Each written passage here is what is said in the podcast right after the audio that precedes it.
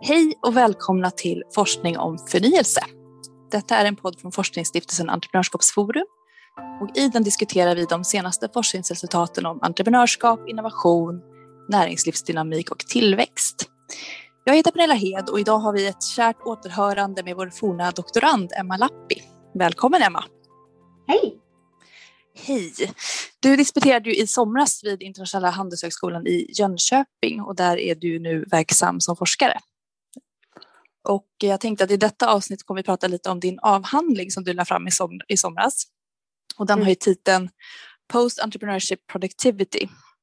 Och eh, i den, om jag har fått det här rätt, så redovisar du din forskning kring vad som händer när tidigare företagare tar anställning och hur det påverkar lönebildningen. Ja, hur kom det sig att du blev intresserad av att studera just det?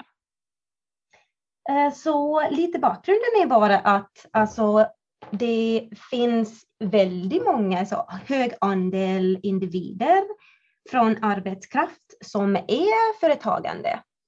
Så, men vi vet också så i Sverige har vi typ 8 till 10 procent av arbetskraft som är företagande.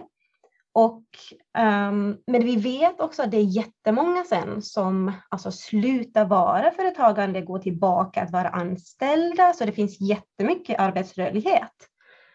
Så vad, Eh, vilken typ av frågeställningen som jag sen hade var att okej, okay, det, det, det är kul och det är intressant med jättemycket individer som börjar vara eh, företagande och sen slutar. Och sen, men jag, fråg, jag försökte fråga och svara sen, eh, att vad betyder det för individer och humankapital och produktivitet när man har slutat vara en företagande? Så vad på riktigt kan vi mäta? Vad, vad, vilken, vad betyder företagandet för individer och deras humankapital? Och sen kanske på hela samhället. Men med det nya var, det nya aspekt som jag kollade var att mäta denna effekten efteråt. Så därför jättemycket forskningen kollade vad betyder, eller kollar fortfarande, att vad betyder entreprenörskap till samhället och, och individer när de är företagandet. Men sen vad jag gjorde var att vad betyder entreprenörskap efteråt? Så finns finns det långa, långsiktiga effekter av individer för att försöka vara företagandet. Så därför jag tyckte det var ganska kul och det är vad min hela avhandlingen sen eh, handlade om. Eh, så på den första det frågan var att hur påverkar det individers lön eh, på kortsiktigt och långsiktigt? Och sen också, sen jag, jag svarade eller frågade att vad betyder det sen produktiviteten? Hur, hur påverkar det produktiviteten för företag som anställer dem som sen slutar vara eh, entreprenörer? Mm. Så det är typ kolla på ol, två olika sidor av samma, eh, samma coin som vi säger att ja, Därför individers produktivitet kan mätas från lön, kanske. Eller mm. det säger eh, nationalekonomiska teori i alla fall, att lönen skulle bli uh, individers produktivitet. Men sen på andra sidan, sen jag också kollar på vad som händer på företagens sidan uh, om Just produktivitet. Just det. Ja, och eh, intressant då, det som framkommer i din forskning är att de som lämnar entreprenörskap för en anställning, de kan räkna med en sämre lön än sina kollegor. Vad eh, kan du säga om det resultatet? Ja, precis. Så vad vi hittade, jag och mina kollegor, vi hittade att det finns ganska permanenta effekten av negativa effekten att ha varit en entreprenör. Men det är mest för de som har en hög utbildning. Så vad vi gjorde var att vi kollade separat till individer som har en hög utbildning och de som inte har. Och sen vi kollade, okej, okay, när de sen kommer in, och, eh, när, vad händer med deras lön efter de har sen slutat att vara entreprenörer? Eh, mm. Och eh, det är vad vi hittade var att på när, om, du, om du är högutbildad så du har ganska stora förluster av inkomster när du sen slutar och kommer tillbaka att vara en vanligt eh, arbetare. Men om du är eh, Eh, lågutbildad människa så denna förlusten av inkomsten de eh, är ganska minimala eller de är ganska liten och de sen um, skillnaden mellan individer som har varit entreprenörer och de har inte varit. Så det minskar efter bara några år i, när man är arbets, arbetare sen. Ja, då blir man ju lite nyfiken om det här har att göra med liksom kompetenser eller är det så att eh, entreprenörer rakt av gör ett sämre jobb än kollegor som säga, bara har varit anställda tidigare? Ja, det kan man tänka, men det visar mina forskningen att det kanske inte är så.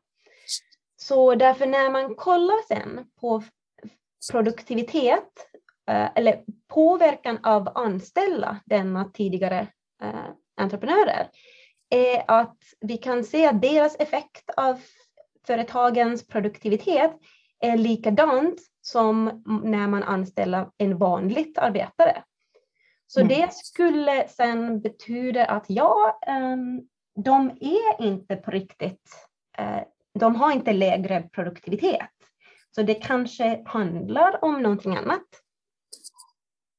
Och eh, en, ja, en sån förklaringen kan bli, typ därför om vi säger på nationalekonomiskt teoretiskt perspektiv, vi säger att ja, det, om produktivitet och lön är precis samma, så sen, sen det är bara att säga att ja, men, eh, lågutbildade människor eller eh, individer som har erfarenhet av i, i företagandet, att de är mm. bara mindre produktivitet. Men därför vi kan inte, vi, vi visar, eller jag visar uh, att det är intressant att uh, de får lö, uh, lägre lön, men deras påverkan till produktivitet är precis samma som de som kommer från en annan arbetsställe. Så det kan sen bli några, uh, några förklaringar för det. Och en kan mm. vara att ha en annorlunda reservation wage, reservationsinkomst, som man kan säga. Just det.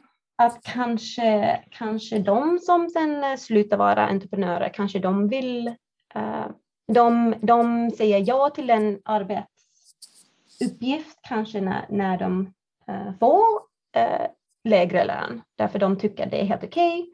Därför det finns jättemycket forskningen som visar att de som kommer från arbetslöshet, de har en lägre reservation wage än de som kommer från arbets, en annan mm. arbetsplats.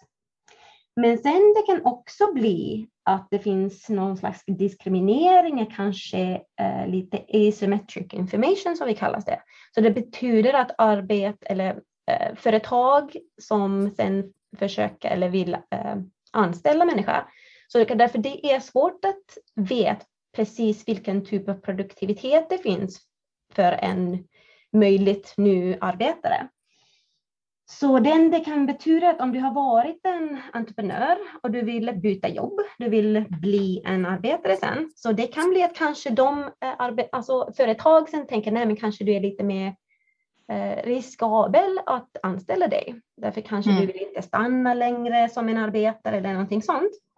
Men sen en, eh, en annan förklaring för det kan vara att arbetare och Eh, entreprenörer har olika, olika sociala kapital. Och det är också vad sen jag frågeställer eh, i min, eh, i min avhandling är att betyder det någon roll för de som är entreprenörer som byter jobb eller byter tillbaka att vara en arbetare om de har kollegor, så vad vi kallar referrals. Så att du mm. har en kollega du har jobbat med och sen de säger till den företag, ja men jag känner denna person, han, han eller hon är jätteduktig på jobb så det är jättebra, du anställer han eller hon. Så om sen entreprenörer, om de har inte haft möjlighet att bygga upp denna sociala kapital därför de har varit eh, sitt eget eh, boss och de har, varit, de har ägt sin egen firma, så om det kan förklara någonting, att eh, de har lite mindre sociala kapital på denna sättet. Och eh, vad jag visar att det kan förklara lite skillnaden, men inte alls eh, alla skillnader som finns mellan som de är eh, företagare eller entreprenörer och de som bara byter jobb som arbetare. Just det. Skulle det också kunna förklaras delvis kanske av attityder kring entreprenörskap, att man ser någon som kommer från ett företagande som kanske man har lagt ner eller man har lämnat av någon anledning, att det kan ses som en sorts misslyckande. Kan det finnas någonting i det? Absolut, absolut. Det har jag inte svarat i min forskning men det är absolut en, en, eh, en sak som kan bli så att det är bara att individer som sen är rekryterare eller företag, de tänker att ah, det finns någonting kanske fel på dig om du vill, in, om du vill sluta vara en entreprenör. Så det kan mm. bli att ah, du har misslyckats, så kanske mm. du inte är så bra eller kanske din produktivitet är inte så hög. Um, så absolut, det kan bli någonting där. Mm. Ja, och trots då detta så, du nämner ju i avhandlingen att det har gjorts en hel del främjande insatser de senaste årtiondena för att få upp intresset för entreprenörskap och främja. Eh, men givet detta så kan man ju konstatera att utväxlingen på den investeringen i så fall har ju varit väldigt dålig. Har du några tankar om vad som kan ha blivit fel här? Fel för en um, ja, vad gäller liksom, perspektiv? Ja, exakt. Vad skulle, liksom, har, har insatserna varit missriktade eller helt ja. onödiga kanske? Till och med. kanske, men det, det är lite problemet här att vi har jättemycket policy som sen vi vill att individer, vi pushar individer lite att eh, starta sitt eget företag. Därför det är bra för vår sysselsättning, så det är bra för uh, hela samhället att, alltså, att, du, att du, du, du startar din eget företag istället för att bli arbetslös. Men sen också därför vi vill att vi har innovation och vi har tillväxt. Och hur kommer det fram? Väl, det kommer fram äh, att ha nya idéer och nya företag och entreprenörskap. Det är vad vi tänker på. Men vad vi, min forskning lite visar att ja, men det kan finnas långsiktiga effekter och, och kostnader som sen individer bär sitt hela karriär efteråt.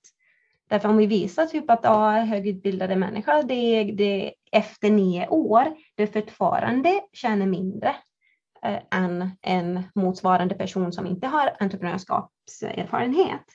Så det bara betyder att ja, kanske vi måste tänka på och informera individer, att kanske, kanske det finns en kostnad på det. Det är inte så att det är fel att eh, incentivize eller pusha individer att vara entreprenörer. Men det bara betyder att ja, vi måste kanske tänka på det att därför jättemånga individer slutar vara eh, entreprenörer eller, eller företagandet.